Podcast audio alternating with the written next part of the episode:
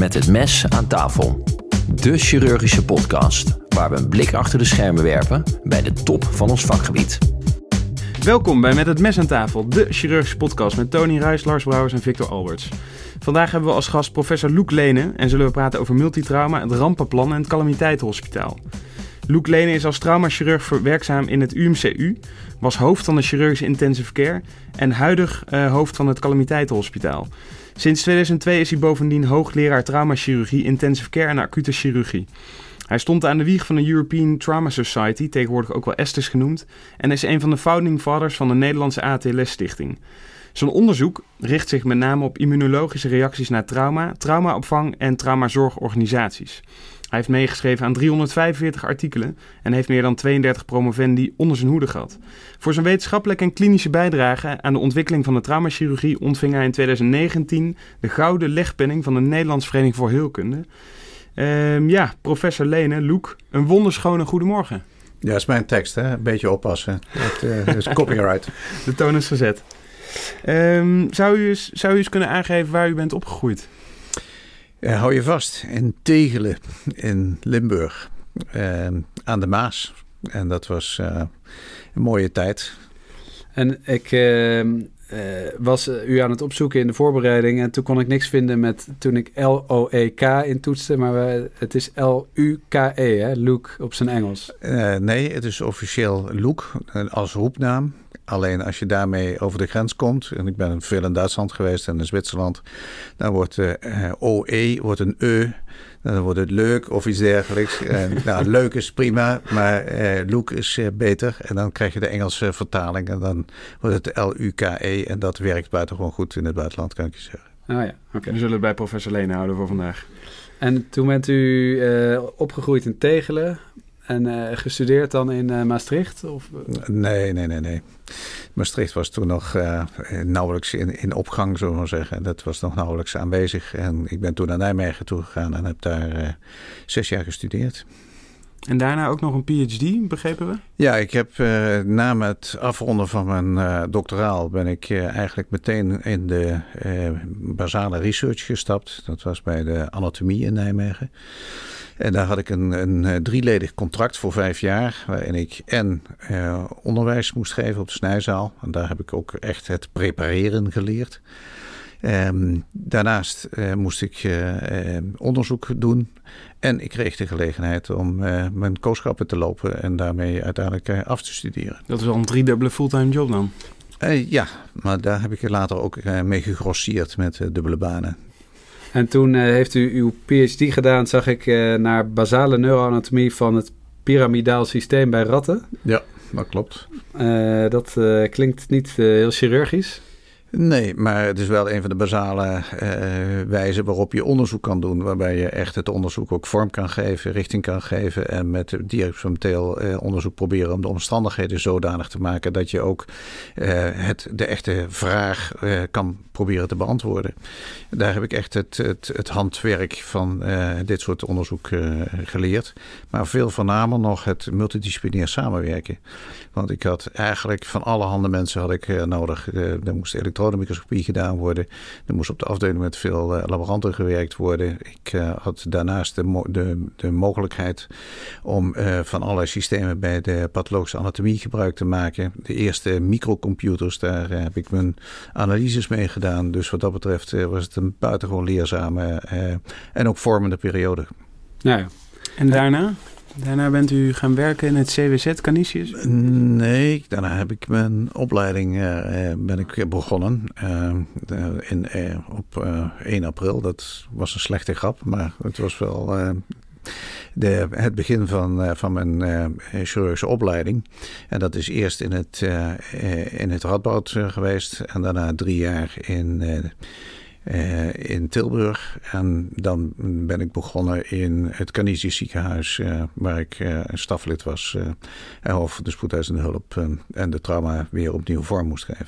Daarna de leerstoel kreeg u dan een paar jaar later, neem ik aan? Nou, eerst was er nog een klein probleem op de, in het CWZ, waarbij uh, met de Raad van Bestuur overeengekomen was dat, uh, dat er de nodige spullen aangeschaft zouden worden. Want de sets die daar aanwezig waren uit het jaar, volgens mij was het 66, die waren toe aan vervanging. En de Raad van Bestuur had besloten, ondanks alle toezeggingen, dat ze daar maar voorlopig niet meer akkoord gingen. Dat heeft mij dat toen besluiten om uiteindelijk naar Tilburg te vertrekken, waar ik toen een goede tien jaar uh, gewerkt heb. En van daaruit ben ik uh, toen uiteindelijk in Utrecht terechtgekomen om aanvankelijk uh, als leerstoel integraal kwaliteitsmanagement in ziekenhuizen te vervullen. En later gevolgd door een leerstoel traumatologie. En wat houdt de eerste leerstoel precies in? Dat, uh, in Tilburg had ik ook de gelegenheid de baat genomen om te kijken of we uh, onze zorg zouden kunnen ondersteunen met een, met een elektronisch uh, patiëntendossier. Dat hebben we daar ook ontwikkeld en dat heeft in Tilburg tot twee jaar geleden volgens mij ook gefunctioneerd. Het systeem Trail heet dat. Dat heeft een goede 25 jaar daar dienst gedaan. En um, dat uh, zorgde ervoor dat we ook een, een, uniek inzicht kregen in de kwaliteit van zorg. Omdat we eigenlijk alles wat we deden meteen deden vastleggen binnen dat systeem. Waarmee het ook voor evaluatie beschikbaar kwam. En dat was eigenlijk ook de grond voor de overgang hier naar Utrecht. Waar dat gesponsord door een van de ziektekostenverzekeraars uiteindelijk als een bijzondere leerstoel integraal kwaliteitsmanagement kwam. Dus dat is meer gericht op management en niet zozeer op de kliniek. Ja, nou uiteindelijk moet het natuurlijk de zorg uh, verbeteren. En doordat uh, de, het systeem als de spiegel van de kliniek te gebruiken, kon je daarmee ook uh, dat weer managen. En u bent ook intensivist? Ja, dat is uh, een, een, een uh, retrograde erkenning uh, geweest. Dus ik heb nooit een formele tweejarige opleiding gehad, maar het was voor die tijd nog. En het, vanwege het werk wat ik integraal op de intensive care deed in, Tilburg onder het klinkt tegenstrijdig, chirurg-intensivist, dat je een praktisch beroep hebt en dan daarin nadruk op beschouwend werk misschien legt. Uh, maar dat is helaas de, de insteek die de Vereniging voor Heelkunde heeft op dit moment. En dat is echt een hele fundamentele fout. En uh, als we niet oppassen in Nederland, uh, dan is dat echt een heel groot probleem in de toekomst. Dat we alleen nog het kunstje mogen doen en we er eens niets meer te vertellen hebben over indicatie en waarop, de wijze waarop we ons vak uitoefenen. En uiteindelijk de zorg van onze patiënten daarna. En zeker in de traumatologie en zeker als het gaat, als het gaat over de, de, zeer ernstig gewonde patiënten, dan zijn alle ehm, voortgangen en vooruitgangen die we hebben gehad op dat gebied, even los van de uh, operatieve technieken natuurlijk met de AO, uh, zijn gekomen uit de bemoeienis van de chirurg op de intensive care. Al onze uh, zaken rond uh, massaal transfusie zijn van de chirurg afkomstig op de intensive care. Al onze inzichten over inflammatie die we hebben zijn afkomstig van de chirurg op de intensive care. En ga ze maar door. Het integrale beleid van, uh, van dit soort zaken. Het verbeteren van omstandigheden van deze patiënten zoals ARDS en multiple organ failure waar we veel mee te maken hebben gehad. Het probleem van de um, grote buikproblematiek en het abdominaal compartment syndroom. Dat zijn dus allemaal opgelost door uiteindelijk chirurgen die zich bezig hebben gehouden met wat er nou precies mis was met deze patiënten die zo'n ernstig letsel hadden ondergaan. En mutatis mutandis geldt natuurlijk voor elke operatieve ingreep die we hebben. Elke operatieve ingreep is een trauma voor de patiënt. De reacties zijn dezelfde. En ons niet druk maken over datgene wat de processen zijn die bij dergelijke patiënten plaatsvinden, is, vind ik, een platte schande. En daar zouden we ons veel en veel meer voor tegenaan moeten bemoeien. En vindt u dan dat, dat uh, iedere chirurg meer intensive care ervaring zou moeten hebben? Of Absoluut. Dat... Absoluut. Ik vind dat je eigenlijk als je traumachirurg bijvoorbeeld in een academisch ziekenhuis bent, dat het een integraal onderdeel van je werk zou moeten zijn. En helaas zijn we daar veel te ver van weggedreven. Um, en dat, dat hebben we als chirurgen in de afgelopen twintig jaar absoluut laten liggen. Ja, ja. Zouden we dat nou op een manier terug kunnen krijgen? Nou, we zouden het terug moeten krijgen. Want uh, hoe, hoe meer dat we met dit soort ingewikkelde patiënten te maken hebben, hoe meer dat we ook moeten inschatten wat we ze wel en niet aandoen. Nog even los van de, van de logistiek die daar rondomheen zit, waar we niks meer over te zeggen hebben. Het betekent uiteindelijk dat anderen uit gaan maken wat we wel en wat we niet nog gaan doen, omdat ze de, simpelweg de, um, ja, de hoeveelheid aan, aan IC-bedden of uh, mogelijkheden om onze zieke patiënten daar neer te leggen bepaald worden door anderen. En dat moeten we absoluut uh, zien te voorkomen. En hoe zou dat dan vorm, krijgen, moeten krijgen wat u betreft? Wat mij betreft moet het een integraal onderdeel bijvoorbeeld zijn van, uh, van de traumachirurgie. En, uh, maar zou het ook weer terug moeten dat we, en ik weet wel dat dat met, het, uh, met de huidige wijze waarop we het vak proberen te oefenen toch al een groot probleem is. Maar eigenlijk zouden we veel meer tijd moeten besteden aan deze integrale processen die onze patiënten allemaal ondergaan. Opdat we uiteindelijk ook veel beter ons vak kunnen uitoefenen. En natuurlijk is het zo dat we eigenlijk al te weinig tijd hebben om die trucjes die we moeten doen, de operaties uit te voeren. Maar tegelijkertijd hebben we, nemen we wel een gigantische verantwoordelijkheid op ons door deze patiënten eh, een gigantische aanslag aan te doen. Waarbij we ons onvoldoende realiseren wat er achteraf de gevolgen van zijn. Dus op iedere intensive care en, uh, en chirurg intensivist? Tenminste. Onderwerp. Onderwerp. Onderwerp. Onderwerp. Van de week. Dan gaan we naar het hoofdthema. Uh, multitrauma, rampenplan en het calamiteitenhospitaal. Uh, wij lazen dat u in 1996 samen met professor Peter Brink het rapport Traumazorg Onze Zorg heeft geschreven. Een, een soort van blauwdruk voor regionalisatie van traumazorg, wat ook uiteindelijk is overgenomen door de minister en geëffectueerd. En sinds 1999, als we het goed hebben, bestaat dan ook uh, Trauma Nederland uit elf regio's. Vindt u dat daarmee de, de multitrauma patiëntenzorg nu in Nederland goed georganiseerd is?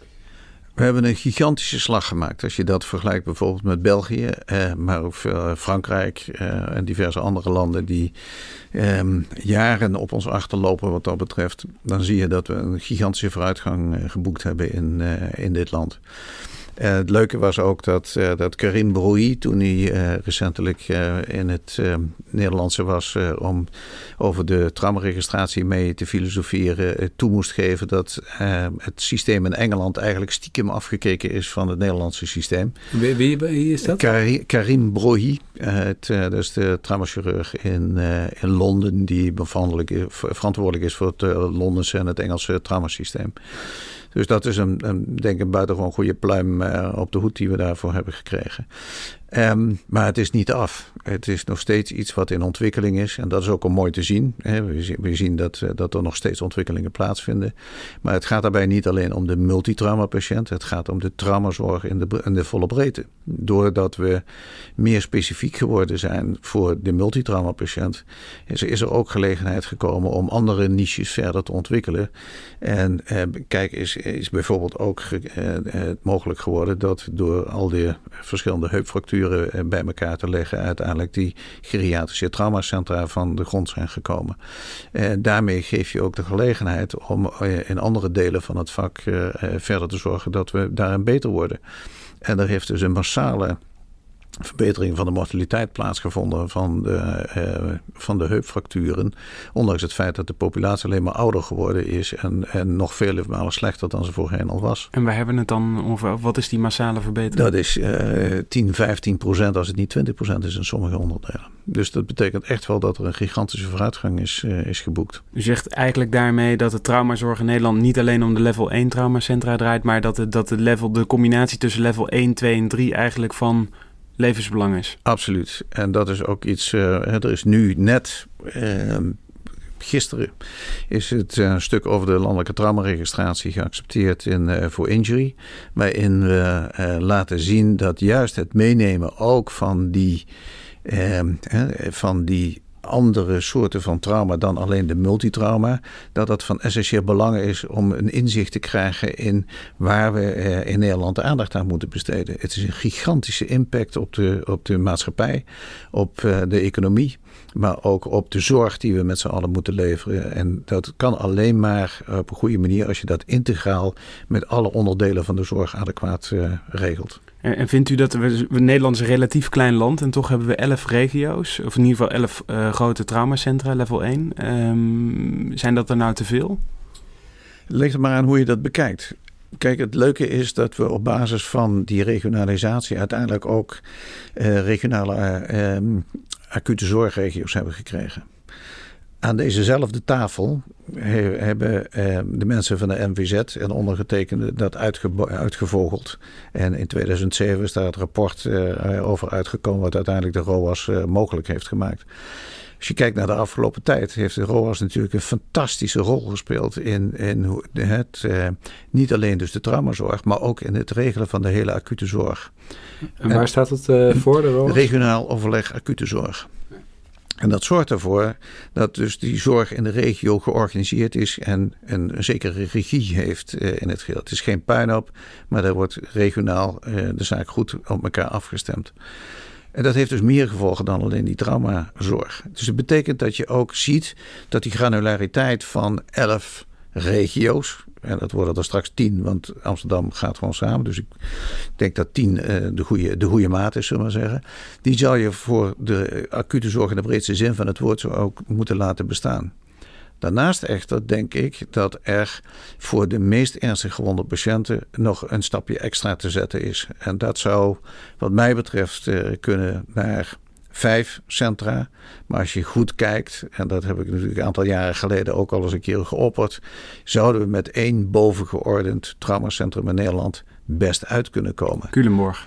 Dat heet Culemborg. Uh, maar goed, ik kan heel goed begrijpen. De, die die uh, aanzet is ook destijds gegeven omdat we voornamelijk wilden dat we uh, de discussie zouden openen. En daarom werd Culemborg als een extreem voorbeeld uh, genoemd.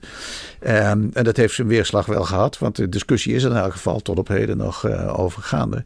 Maar ik denk dat we met, met vijf bovengeordende multitraumacentra uit zouden komen. En waarbij je zeker ervoor moet zijn dat de, de, de rest van de uh, andere centra ook volledig hun functie blijven behouden. Maar hoe dat dan te organiseren, dat is weer even een volgende, volgend vraagstuk. Maar daar zal onder andere de helikopterdienst wel uh, ja, toch wel meer moeten doen dan ze tot op heden doen. En als er minder centra komen, dus vijf of uh, misschien zelfs één, wat u zegt dat is wel een rijden als je aan de andere kant van Nederland een zwaar ongeval krijgt. Toch is dat, ik denk dat je nu toch nog weer even verkeerd interpreteert. Er moeten niet minder centra komen, de centra moeten blijven. De centra zij hebben gebleken een goede organisatie van de zorg te kunnen vertegenwoordigen voor die groepen die we een bovengeordende uh, zorg nodig zouden hebben, waar we er meer van moeten doen om er, voor, om er goed in te worden en te zijn.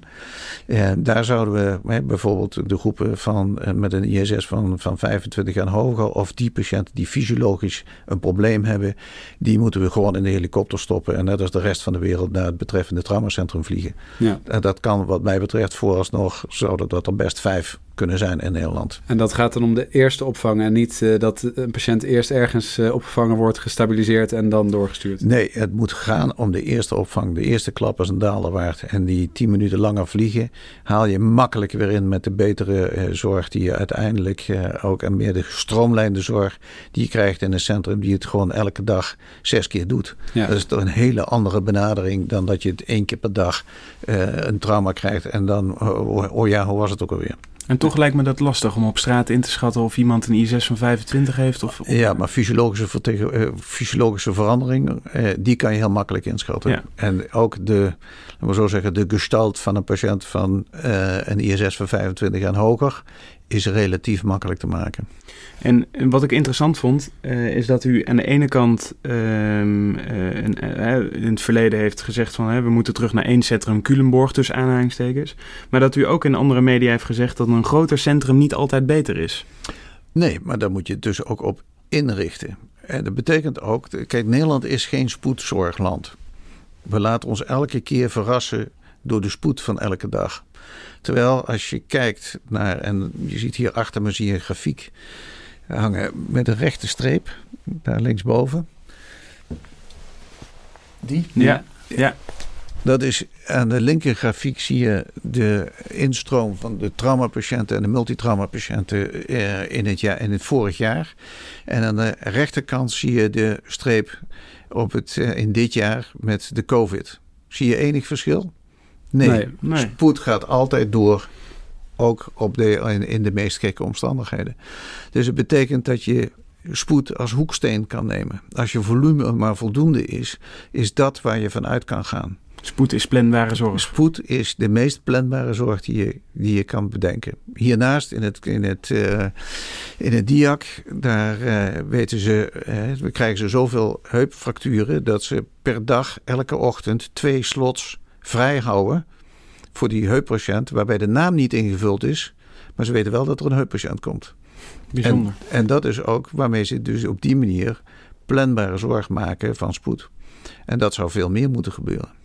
En dat zou je per ziekenhuis kunnen inschatten hoeveel spoedplekken daar. Ja, je moet dus een goede registratie hebben waarin je weet van wat voor soorten van, eh, van, van spoed je kan verwachten en wat de grootte van de beddenaantallen aantallen zou moeten zijn. Wij hebben hier gemiddeld eh, eh, tussen de twee en de drie opnames per dag op de gewone afdeling. Dus s'avonds om vier uur bij de overdracht moet ook bekend zijn dat er twee of drie bedden vrij zijn. Gemiddeld ook een bed op de medium care voor onze traumapatiënten. En het leuke is, die liggen daar daarna vol. Ja. En de, de laatste vraag over dit eerste gedeelte is: als u de traumazorg nou in, Ne- in Nederland opnieuw zou mogen indelen ehm, als minister van Volksgezondheid, hoe zou u dat dan doen? Blijft u dan bij die ene hele groot centrum, vijf medium groot en dan een aantal level 2 en 3? Dat zou best, best kunnen, maar is natuurlijk ook zeer afhankelijk. En zeker als je als minister bent, is dat zeer afhankelijk van de politiek en de omstandigheden waaronder zijn. Ik denk dat er argumenten genoeg zijn om dat op die, op die manier te doen. Maar dat gaat je in het huidige politieke klimaat absoluut niet lukken. Eh, dan gaan we door naar eh, rampenopvang. Ehm, Hoop afkortingen. ja, eh, te- Zierop, Goor, Grip gaan we allemaal bespreken. Oh. Ehm, kunt u, wat is Zierop eigenlijk? En Waar staat Dus het voor? ziekenhuis rampenopvangplan. Ja. Eh, en heeft ieder ziekenhuis dat, eh, of wordt dat centraal gecoördineerd? Ieder ziekenhuis moet bij wet een ziekenhuis rampenopvangplan hebben. Dat is, eh, ik denk een jaar of 15 geleden is dat, is dat er zodanig ingezet. En het leuke was dat wij in die tijd hier in het, het calamiteitenhospitaal, daar komen we zo nog wel op, vrees ik, eh, hebben wij, hadden wij een plan van hoe dat zou moeten met, eh, met eh, indien er grootschalige incidenten zouden zijn en de rampen zouden zijn. Dat hebben we bij elkaar geschreven. Dat vond de inspectie wel aardig, heeft dat meegenomen en heeft dat uiteindelijk voor heel Nederland uitgevaardigd als het model waarop het, eh, het een en ander zou, eh, zou moeten gaan gebeuren. En kan ieder ziekenhuis dat ook goed? Of zou je bijvoorbeeld een eh, mobiel rampenteam moeten hebben wat eh, ter plekke komt en een ziekenhuis overneemt om daar de boel te coördineren? In godsnaam niet. Duidelijk.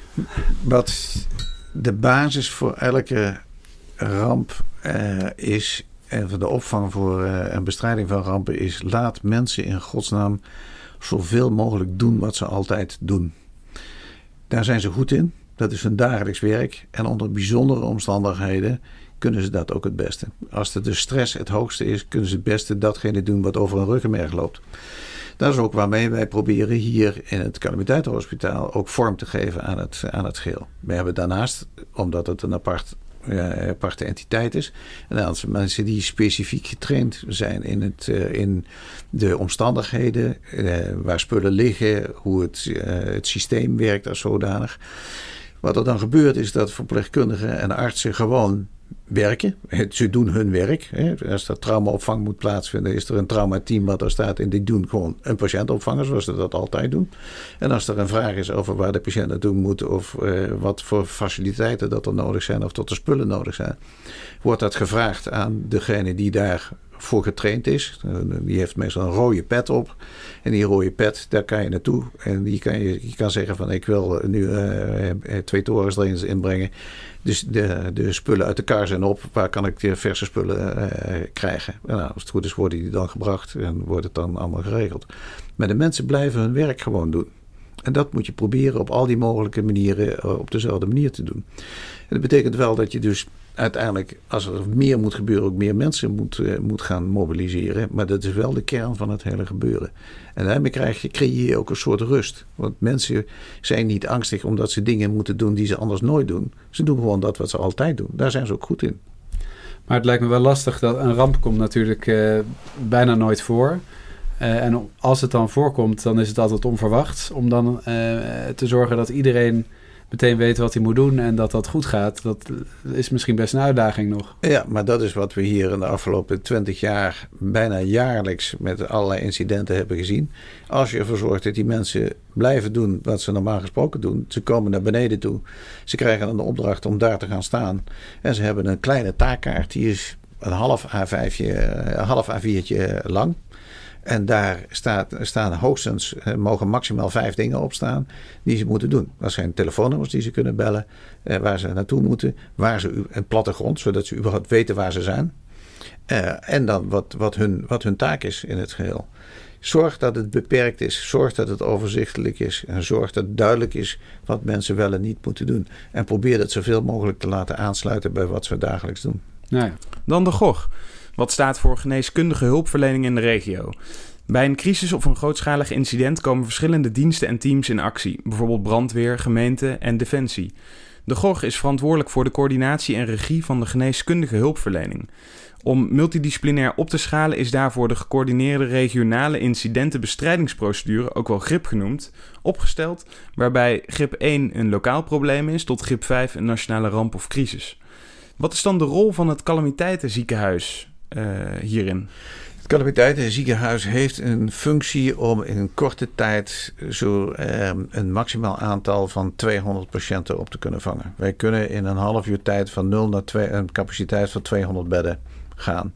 En waarbij hebben we een, een, een geteste en bewezen doorgangssnelheid van eh, ongeveer 16 T1 patiënten per uur. Dat is wat nergens anders te zien is en te, te beleven is. Maar dat is, dat is getest en dat is ook uh, in werkelijke situaties ook als zodanig uh, gebleken. En even voor de luisteraars, wat zijn T1, T2 en T3 slachtoffers? T1 slachtoffers zijn uh, patiënten die onmiddellijk hulp nodig hebben, anders dat ze overlijden. T2 mag het een, een uurtje of zes duren en T3 mag een, een 24 uur duren. Ja. 16 per uur van 16, T1? Ja, dat zijn dus zeg maar min of meer trauma, multitrauma slachtoffers. Zo. Ja, is nogal wat. En uh, hoe wordt het uh, opgestart? Wie, wie bepaalt wanneer dat uh, geopend Ook daarvoor wordt? moet je kijken naar wat, wat is normaal doenlijk. Wie zijn er 24-7 in een huis, in een, een, ziekenhuis? En dat is natuurlijk, de, de spoedeisende hulp is altijd bemand. Daar hebben we altijd een verpleegkundige coördinator rondlopen. Die is er altijd. Die heeft altijd eenzelfde nummer waarop die bereikbaar is. En we hebben de dienstdoende traumachirurg. Die is in dit huis ook altijd 24-7 in huis. Dus het betekent dat uh, die melding komt van buiten, komt bij die coördinator terecht. Die informeert de chirurg van dienst, de traumachirurg van dienst. Die uh, bekijkt wat voor soort probleem dat het is. Eventueel doet hij nog wat navraag. Als die denkt dat het calamiteitenhospitaal open moet, doet hij een korte check met de dienstdoende van de raad van bestuur. Want je haalt nogal wat overhoop als je hier ja, pak een beet uh, 400, 500 man uiteindelijk vanuit de normale ziekenhuisorganisatie wegtrekt. Om hier even een uh, vijftigtal mensen op te vangen, om als een dwarsstraat te noemen. Dus dat wordt altijd even gecheckt. Daar is 9 van de 10 keer is dat uh, ja, binnen pak een beetje twee minuten is dat, uh, is dat rond. En dan wordt het zijn uh, groen gegeven. Dan kan in principe de stroom op gang gaan komen. En die mensen komen allemaal uit uit het UMCU, uit dit ziekenhuis? Of ja. komen die van, uh, ook van het nee. perifere centra? Nee, in principe is dat zo dat wij uh, alleen gebruik maken van mensen uit dit eigen huis. Het is zo geweest dat wij een uh, opvang hier hebben gedaan, of een openstelling hebben gedaan, waarbij we de mogelijkheid hebben gegeven aan de VU om hier hun patiënten op te vangen. Uh, toen hebben we wel gezegd, ja, dat gaat enkele dagen duren. Dus jullie moeten wel je eigen personeel meenemen. Want wij kunnen niet 500 man uit deze organisatie trekken en een aantal dagen uh, dan jullie patiënten verzorgen. Maar er werd hetzelfde systeem gebruikt. Het systeem van de mensen blijven hun werk doen. De patiënt is de patiënt, het bed is een bed. En vervolgens wordt daar het personeel doet gewoon zijn medische dingen en verpleegkundige dingen daarbij. En als er zaken zijn die in de logistiek zitten, waar kan ik de wc vinden of waar is de rode pet aan de beurt om te, de weg te wijzen en het proces als zodanig te ondersteunen. Dus hebben wij van onze kant uit met 30 man ondersteunende rode petten en wat, wat ander ondersteunend personeel. Uh, ik geloof 80 patiënten van de VU kunnen behandelen. Die allemaal met hun eigen personeel en hun eigen medische staf hier rondgelopen hebben. Was dat toen in verband met de wateroverlast? Was met wateroverlast, ja. ja. ja. Maar hoe vaak uh, wordt nou het calamiteitsziekenhuis gebruikt? Gemiddeld 1 à 2 keer per jaar. Oh, dat is nog best wel wat. Ja, de meeste mensen denken van ja, er gebeurt nooit wat. Maar dat is, is relatief, eh, toch nog relatief vaak, ja. Maar ook niet gevolg van trauma? Bijvoorbeeld ook met Lassa heeft er... Uh, ja, maar dat is weer een ander hoofdstuk. Uh, dat stamt uit de tijd dat we alle terroristische aanslagen hadden... en dat we een probleem hadden met de pokkenvirus... wat geprobeerd werd als terroristisch middel te gebruiken. Toen um, had uh, mevrouw Borst uh, tegen Nederland gezegd van nou slaap zacht, want we hebben genoeg vaccins. Dat was net even iets anders. Um, dat lag wat anders. En toen moest bij het RIVM hier aan de overkant uh, van de straat in in de beeld... moesten plotseling enorme hoeveelheden pokkenvaccins gemaakt worden. alleen voor die mensen was geen opvang. Want hè, als er iets fout zou gaan met het hele gebeuren, weliswaar waren die ingeënt tegen pokken, maar als die geïnfecteerd zouden raken met het uh, pokkenvaccin, was er geen opvang direct in de buurt. Dus toen is een heel systeem opgezet en hebben we een viertal isolatieboxen gemaakt hier in het uh, calamiteitenhospitaal. Waar mensen die eventueel een dergelijk probleem hadden, bij ons geïsoleerd zouden kunnen worden en ook uh, als zodanig tijd in quarantaine zouden kunnen doorbrengen.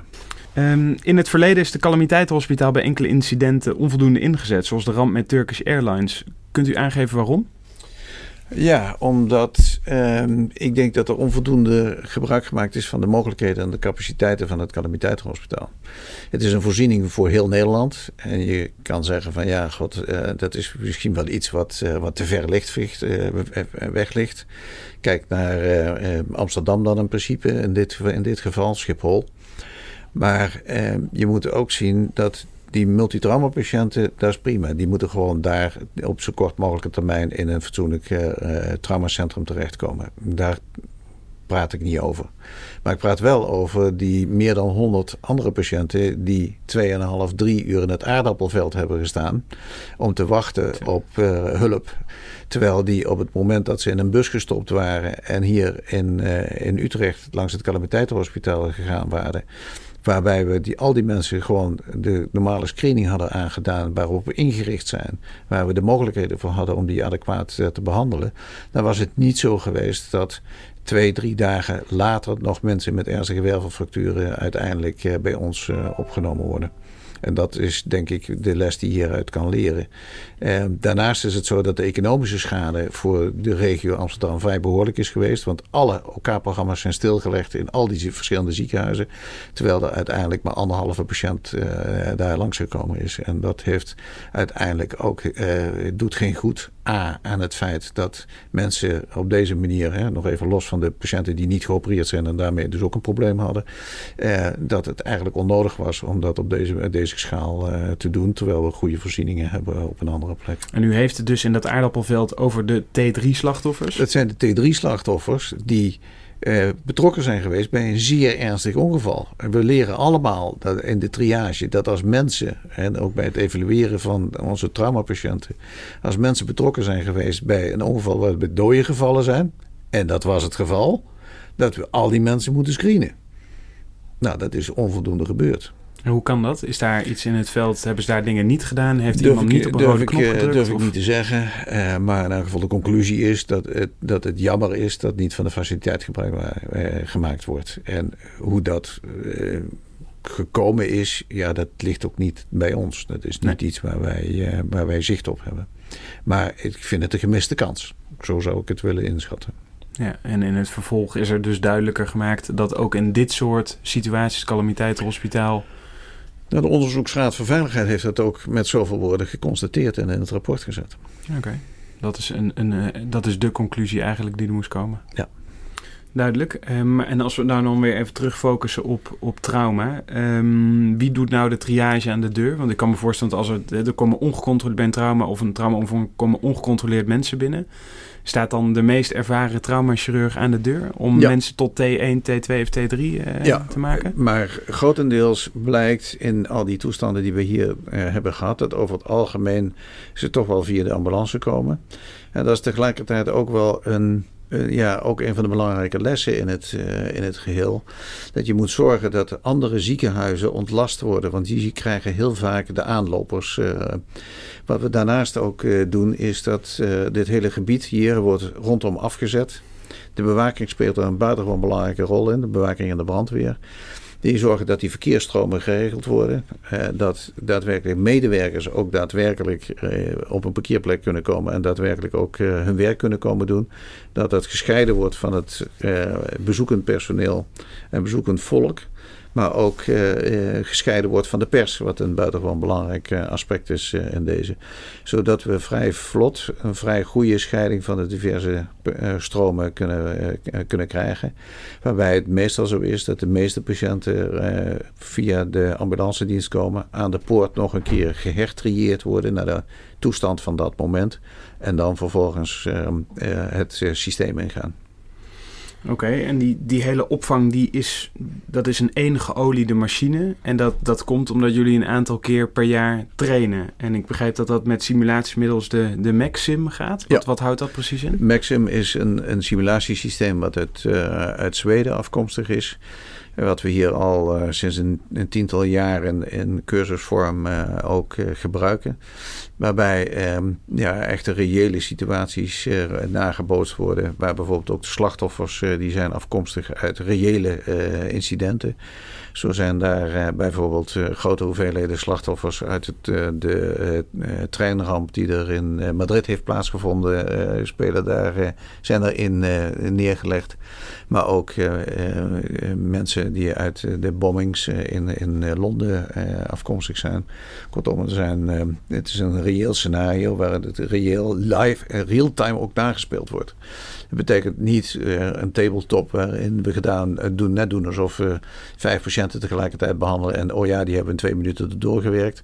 Nee, dan wordt het ook zo. Als je een torensdrain in wil brengen, dan betekent het ook dat de daarvoor bestemde tijd ook gebruikt gaat worden. En dat betekent dat je andere dingen niet kan doen. Dus het is een vrij realistisch geheel waarbij je ook ziet dat mensen, ondanks het feit dat het alleen maar gaat om kaartjes hangen op een, eh, op een, eh, op een bord, de communicatie met de andere onderdelen moeten verzorgen.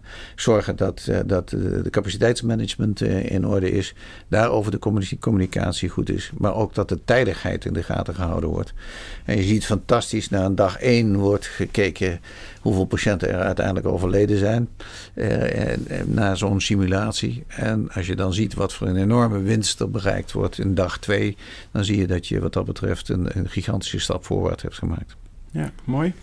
Eh, en de laatste keer dat het eh, is gebruikt, het calamiteitenhospitaal, was dat eh, met corona? Dat was met corona. Toen is het niet als calamiteitenhospitaal als zodanig gebruikt. Dat moet je echt wel als een aparte entiteit zien. Toen zijn de faciliteiten van het calamiteitenhospitaal gebruikt. Het was natuurlijk zo dat de oorspronkelijke opzet van het calamiteitenhospitaal is bij grootschalige incidenten en eh, bijvoorbeeld ook repatriëring van militaire eh, slachtoffers. Daar is het eh, ook een van de belangrijke aspecten voor. Ehm, ja, die kon simpelweg niet meer gehandhaafd worden doordat we, we draaien op personeel van één huis. Als het personeel van één huis bezig is om met coronapatiënten te behandelen, dan kunnen wij niet nog een grootschalige ramp of iets dergelijks. Dan doen we ons best.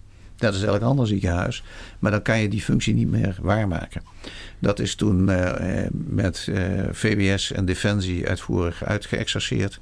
En uiteindelijk is besloten om de faciliteiten van het calamiteitenhospitaal beschikbaar te stellen voor de opvang van de COVID-patiënten. En daarmee zijn er eh, 15 bedden, 15 IC-bedden eh, beschikbaar eh, gekomen. Die dus extra gebruikt zijn om die, eh, om die patiënten op te vangen. Eigenlijk extra uitbreiding, capaciteit van het UMCU. Extra dus. uitbreiding van het UMCU. Ja. Ja. Ja, ja. En is het ook allemaal gebruikt? Dat is allemaal gebruikt, ja. Ja. Zeker. Ehm, en verder is er recent natuurlijk een groot eh, ongeval geweest in Beirut, in Libanon. een grote explosie. hoe kijkt u naar deze ramp? Ja, met, met afgrijzen en leedwezen. Het is, het is gruwelijk wat, daar, wat daar allemaal gebeurd is. En de overwhelming die daar, uh, die daar uh, van, de, van het normale systeem heeft plaatsgevonden, is natuurlijk gigantisch. Hele ziekenhuizen die als het ware weggeblazen zijn, of in elk geval onbruikbaar geworden zijn. Ja, je, je kan je slechts een, een, een, een maar een heel beperkte voorstelling maken van wat voor ellende dat dat heeft gegeven. Met 11 tot 1500 slachtoffers die verzorgd moesten worden, met nog een x aantal doden erbij. Ja, die doden heb je niet zoveel zorgen om, maar de rest is wel een gigantisch probleem. Stel, want stel dit gebeurt in Nederland, hoe, hoe hanteren we dan nog zo'n triage aan de deur als er 2000 mensen gewond zijn? Ja, 2000 gaat hier ook niet lukken. 200 eh, kunnen we maximaal aan. En dat is wel, als je kijkt naar datgene wat er zo gemiddeld hier in Nederland gebeurd is, is dat ook wel het aantal waar je, wat je ongeveer kan verwachten. Maar stel dat gebeurt. Stel dat gebeurt, dan betekent dat je dus dat alles en iedereen eh, de zeilen bij moet gaan zetten. En dat betekent ook dat als je gebruik maakt van het eh, ziekenhuisrampenopvangplan, dat alles wat dat betreft, eh, alle capaciteit beschikbaar gesteld moet worden voor de opvang van deze, deze problematiek.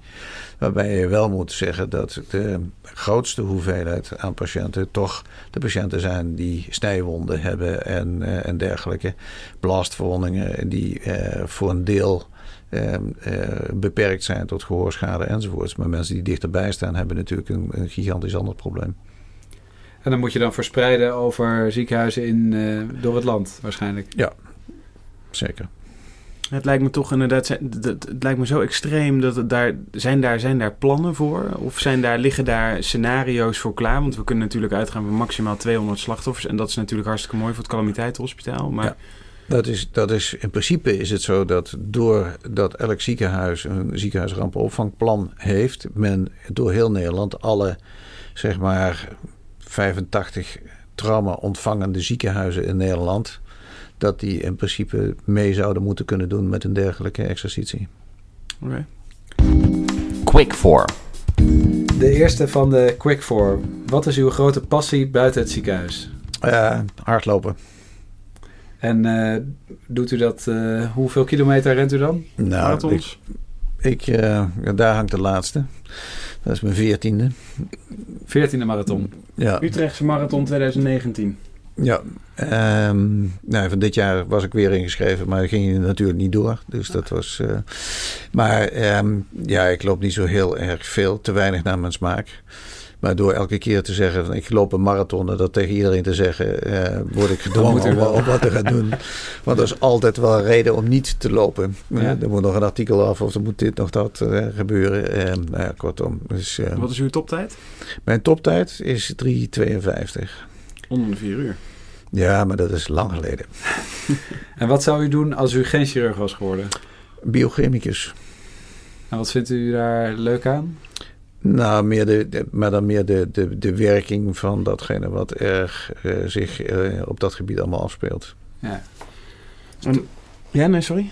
De, toch dus binnen de medische wereld uh, zou je blijven? Ja, wat hangt tegen de medische wereld aan? De, de, de, de fysiologische, pathofysiologische processen die zich afspreken zijn buitengewoon interessant en, en innoverend ook. Het is een hele, on, echt een letterlijke ontdekkingsreis. En als u zelf op de eerste dag van de opleiding een advies kon geven, wat zou dat zijn? Slurp zoveel mogelijk op. Er zijn goede dingen, er zijn slechte dingen. Uh, sommige dingen waarvan je echt zegt van dat zou ik nooit doen zo. Maar leer daarvan. Je kunt dus van goede en slechte dingen een hele hoop leren. En sta daar open voor. En als laatste, uh, wat is de belangrijkste verandering binnen de chirurgie geweest tijdens uw carrière? Dat zijn er toch wel een paar. Dat is één, het teloorgaan van de intensive care. Daar hebben we het al over gehad. Uh, voor, de, voor de chirurgie. Ik denk dat is een doodzonde. Maar de belangrijkste verandering is uh, naast natuurlijk de ATLS. Wat echt een verandering heeft met zich meegebracht. Maar de echte verandering is toch wel de overgang naar de laparoscopische of naar de scopische chirurgie. Ja. Tips en tricks. Uh, we gaan ook met u een uh, aantal tips en tricks doornemen, zoals u het zou doen. En uh, we begrepen van, van een van onze bronnen dat er een mythe gaat. Dat u in een korte broek een thoracotomie op de spoedeisende hulp heeft, heeft, gedaan. En met het hart in de hand naar elkaar reed, terwijl u ook nog eens niet eens dienst had. Dus in het kort, zou u kunnen beschrijven hoe u een goede spoedthoracotomie kan doen? Ja, dat kan vrij simpel. En daarnaast, wat is natuurlijk waar van de mythe? Uh, het is volledig waar. Het spijt me. Ja. Um, en daarnaast um, is het zo dat je... En je moet het simpel houden. Ook hier weer. Simpele regels. Uh, incisie. Want, uh, in rugligging. Uh, sorry dat ik u onderbreek. Uh, wat, wat, zijn de indicaties precies? wanneer moet je het overwegen om te doen? eigenlijk bij stomptrauma eigenlijk niet. Alleen bij een witnessed arrest, zullen we maar zeggen. En dan bij penetrerend trauma als er minder dan 10 minuten gereanimeerd is. Ja. En u zei, u zei, u was met de technieken, wil ja, u beschrijven? submammere incisie, wijd openmaken, finicetto erin, long naar voren toe, over de wervelkolom de uh, aorta zoeken en vinden. En dan een klem zetten. En, uh, en dan een pericard openen en kijken of daar uh, iets in het pericard zit. Ja, en dat is dus een enkelzijdige techniek, dat is geen clamshell. Nee, ik, uh, mijn, uh, een van de mensen die ik hoog acht, uh, heeft een mooi stuk daarover geschreven. Over het doen van een clamshell, om dat er dan beter bij te kunnen. Ik ben essentieel van oordeel dat iemand die een thorax openmaakt, dat ook moet kunnen. En dat moet gewoon een chirurg zijn. Ja. Dus ik heb daar ook. En ik denk dat je daar voldoende ruimte hebt om de dingen te kunnen doen die je moet doen. En soms is het nodig om een clamshell te doen. Ja. ja. En hoe, hoe vaak heeft u het nou bijvoorbeeld gedaan? Wat, een clamshell? Of, ja, uh, of een? Uh, spoedtoractomie? Ik denk 20 keer, 25 keer. Ja. En, en, hoe vaak gaat het dan? Uh... Ja, spoedtoractomie op deze manier. Hè. Ja. niet, ik heb vele malen meer een spoedtoractomie om die dus niet een, een uh, laat maar zo zeggen, een emergency room thoracotomie. Dat is weer een andere. Ja, precies. dat, is, dat is waar het over gaat. Andere uh, vaak, ja, ik heb uh, in, ook in Tilburg uh, tien jaar uh, gedaan, dus ja. Ja. En de resultaten van zo'n spoedtoracotomie, zijn die... Bedroevend. Bedroevend, ja. Maar we hebben er wel een paar. We hebben twee met penetrerend hartletsel van de laatste twee jaar... die, die wel levend het pand verlaten hebben. Duivelse dilemma's. IJshockey zonder helm of achter het stuur zonder gordel?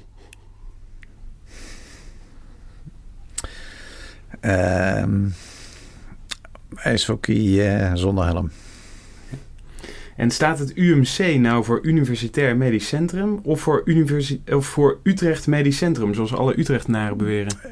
Ja, het is het Universitair Medisch Centrum Utrecht. Ja. Het UMQ. En verder uh, begrepen we dat uh, de jas van Lenen een bekend begrip is uh, in het UMCU. dat, wordt wel dat is eigenlijk de Bogota-bag, begreep ik. Um, dus de dilemma is een Bogota-bag of een open buik negatieve druktherapie. dan heeft de negatieve druktherapie de voorkeur, maar die gebruiken we niet. En waarom niet? Omdat het geen essentieel voordeel uh, heeft. Het enige wat wij doen is de, de poor man's uh, negative pressure seal. Uh, dat is simpel met twee grote rectum drains en dan met plastic eroverheen met een paar in de buik. En dat is de, de jas van Lenen? De jas van Lenen is, komt uit het feit dat op een gegeven moment ehm, we textieljassen hadden.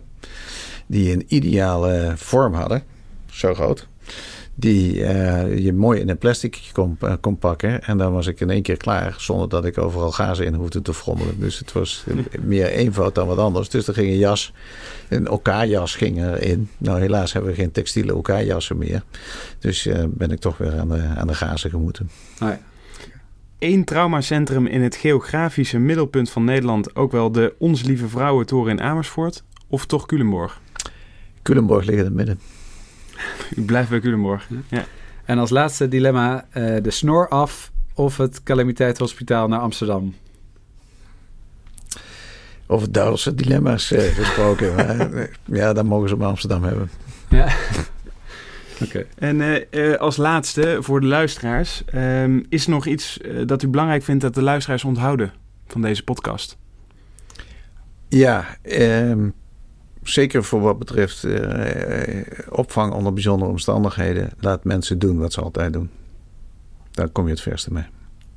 Dank. En dan bedoelt u dus tijdens de, de rampenopvang? Tijdens de bijzondere opvang. Maar ook, dat geldt ook voor, voor diverse andere zaken. Probeer mensen in een comfortzone onder, onder speciale omstandigheden... moet je vooral laten doen wat ze altijd doen. En daarmee heb je uiteindelijk het beste resultaat. Ja, een goede management tip. Ja. Uh, dan willen we u hartelijk danken voor, uh, voor deze aflevering. Um, en de luisteraars ook hartelijk dank voor het luisteren. Veel dank. Graag gedaan. Dit was Met het Mes aan tafel.